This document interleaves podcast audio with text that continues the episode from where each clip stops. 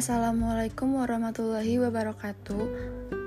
Kami dari kelompok 2 yang akan memaparkan materi presentasi kami yang berjudul Kekerasan dalam Rumah Tangga menurut Hukum Adat. Yang beranggotakan saya sendiri Ainu Sofiati, Dora Soraya, Salma Nurul Fadila, dan Siti Karmila. Di sini saya akan memaparkan pendahuluan yang secara garis besar menjelaskan keseluruhan isi jurnal tersebut. Baik, di sini saya akan menjelaskan dimulai dari pendahuluan. Tindak kekerasan merupakan pelanggaran hak asasi manusia, pelanggaran ketentuan hukum negara dan norma agama, serta norma sosial, budaya, dan peradaban manusia. Karena itu tidak ada tindak kekerasan, apalagi telah mencederai fisik, melukai perasaan, atau menelantarkan hidup orang. Dapat dibenarkan dalam peradaban manusia. Salah satu bentuk tindak kekerasan yang paling banyak terjadi dalam masyarakat, terutama di Indonesia adalah tindak kekerasan dalam rumah tangga atau biasa disebut juga dengan KDRT. Tindakan itu bukan hanya suami kepada istri, namun dapat terjadi juga kepada orang tua, ke anaknya, atau suami dan istri kepada majikannya. Intinya ruang lingkup dalam keluarga tersebut. Pada masyarakat adat Indonesia, ada nilai-nilai dalam adat yang masih berlaku secara signifikan. Akan tetapi, seiring dengan perkembangan dalam masyarakat, nilai-nilai tersebut juga dimaknai ulang oleh anggota masyarakat tersebut. Adapun beberapa contohnya yang terdapat di suku Indonesia itu akan dijelaskan oleh pemateri berikutnya, di mana suku tersebut masih kental dengan adat istiadatnya sampai kekerasan dalam rumah tangga pun mereka mempunyai hukumannya tersendiri. Assalamualaikum warahmatullahi wabarakatuh. Baiklah kita lanjutkan pembahasan kita mengenai KDRT dan hukum adat secara umum. Nah, KDRT itu sebagaimana kita tahu bahwasanya kekerasan dalam rumah tangga ya bukan hal tabu yang sering kita yang nggak pernah kita dengar malah yang terlalu sering kita dengar. Secara umum KDRT itu merupakan perbuatan terhadap seorang dalam keluarga terutama perempuan yang menjadi korban yang mengakibatkan menimbulkannya kesengsaraan atau penderitaan. Nah untuk penderitaan sendiri di sini tuh ada pembagiannya. Yang pertama fisik non fisik seksual dan ekonomi untuk fisik sendiri, kita bisa lihat seperti kekerasan pemukulan atau penendangan. Bahkan yang baru-baru sekarang yang terjadi adalah seorang istri yang disiram oleh suaminya dengan minyak panas. Nah, hal itu baru baru baru-baru terjadi di daerah Sumatera. Dan alasannya adalah e, suami itu cemburu karena si istri terlalu sering main TikTok. Nah, yang mengakibatkan si istri itu mengalami eh, luka-luka uh, bahkan ada yang sampai wajahnya atau tangannya itu yang melepuh. Selanjutnya uh, psikis atau non fisik nah hal ini yang paling sering terjadi karena uh, secara langsung suami itu sering mengatakan atau menghina dengan kata menghina istrinya atau berkomentar yang merendahkan yang membuat si istri itu susah bergaul atau atau membuat si istri itu tidak berdaya. Selanjutnya itu kekerasan seksual.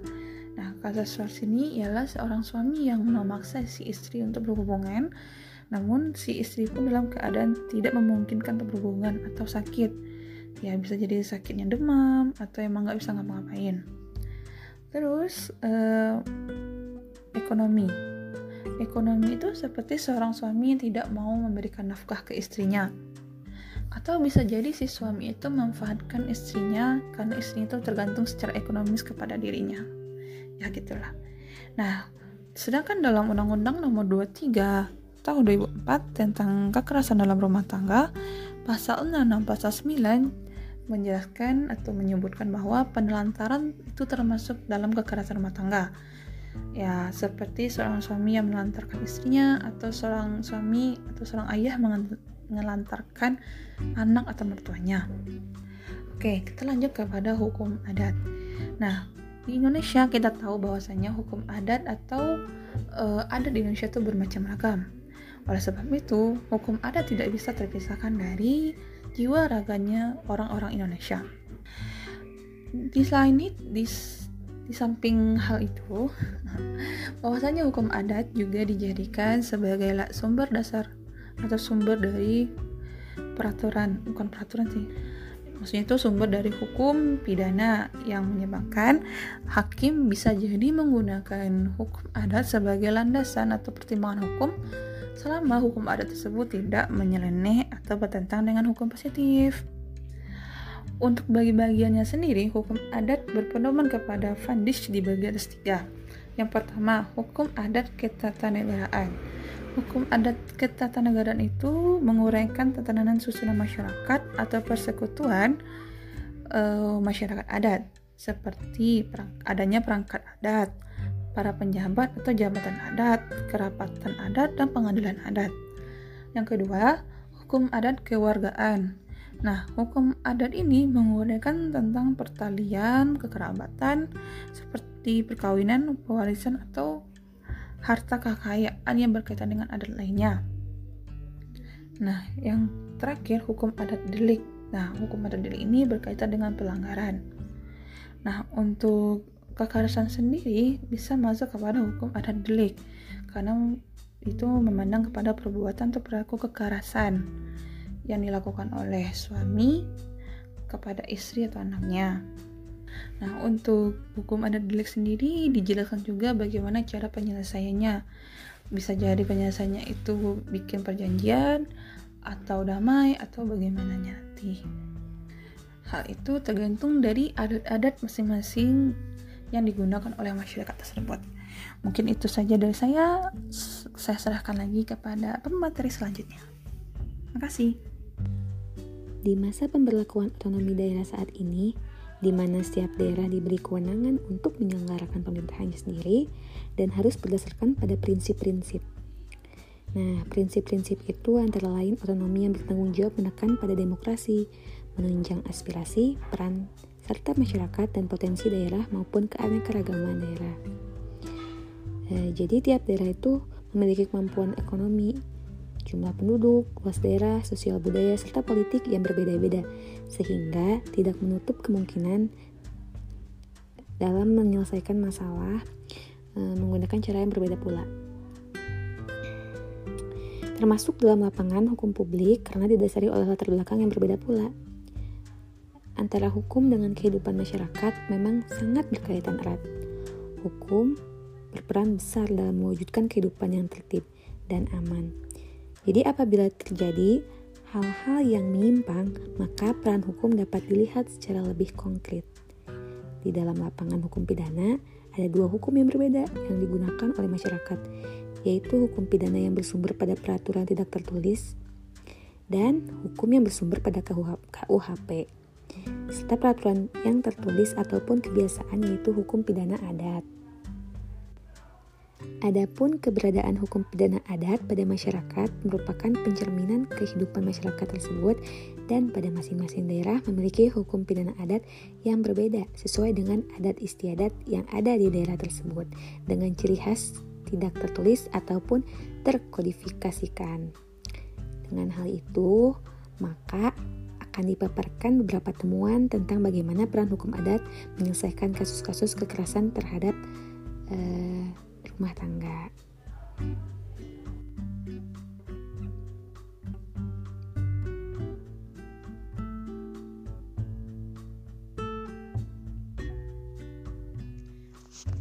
Menurut data yang diperoleh dari para informan di Kupang dan Atambuan, Kasus kekerasan terhadap perempuan, khususnya istri, terjadi karena adanya perubahan perspektif terhadap belis. Belis yang tadinya bermakna bahwa untuk mendapatkan istri itu tidaklah mudah, untuk itu perempuan harus dihargai. Akan tetapi, dalam perjalanan waktu terdapat penggeseran makna dari bais itu. Pihak laki-laki karena merasa telah mengeluarkan sejumlah uang untuk me untuk dapat menikahi perempuan, menganggap bahwa perempuan telah menjadi miliknya. Ketika sudah berstatus istri, sering terjadi bahwa kasus-kasus kekerasan terhadap istri di dalam rumah tangga disebabkan karena si laki-laki menganggap bahwa istrinya adalah milik yang dapat diperlakukan seenaknya. Ketika istri dianggap tidak lagi memenuhi kriteria suami, maka dapat saja istri menerima tindak kekerasan atau penelantaran atau diperlakukan sesuka hati. Nah, sebab kasus pembunuhan istri dan kasus pemukulan dan penelantaran istri, penyelesaian dilakukan pihak keluarga ataupun korban melalui jalur hukum negara. Keluarga korban melapor kepada pihak kepolisian yang kemudian segera melakukan penyelidikan terhadap kasus tersebut di Atambuan. Terdapat beberapa kasus kekerasan terhadap perempuan yang diselesaikan secara adat dan ada pula kasus kekerasan yang diselesaikan melalui jalur hukum. Contoh kasus kekerasan yang diselesaikan secara adat misalnya kasus suami yang diam-diam meninggalkan istrinya, kasus pemukulan istri, kasus perselingkuhan. Kemudian contoh kasus kekerasan yang diselesaikan melalui jalur hukum negara antara lain kasus perkosaan yang menimpa seorang anak berusia 12 tahun dan kasus pembunuhan istri. Pada kasus kekerasan terhadap perempuan, apabila korban ataupun keluarga korban memilih mekanisme penyelesaian secara adat, ada beberapa bentuk yang berbeda. Untuk kekerasan fisik, denda adatnya berupa sapi, ternak babi, atau kain tenun.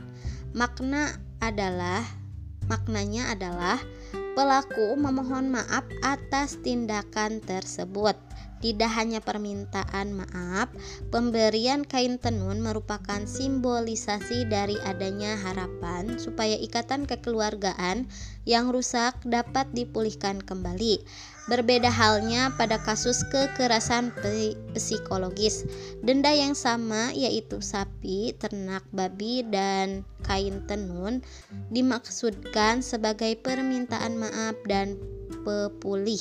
Pemberian benda-benda itu juga bermakna bahwa korban akan mendapat kembali kepercayaan dirinya. Kemudian, pelaku kekerasan, penelantaran atau kekerasan ekonomi akan mendapat ganjaran yang sama juga berupa sapi, tenun, dan ternak babi.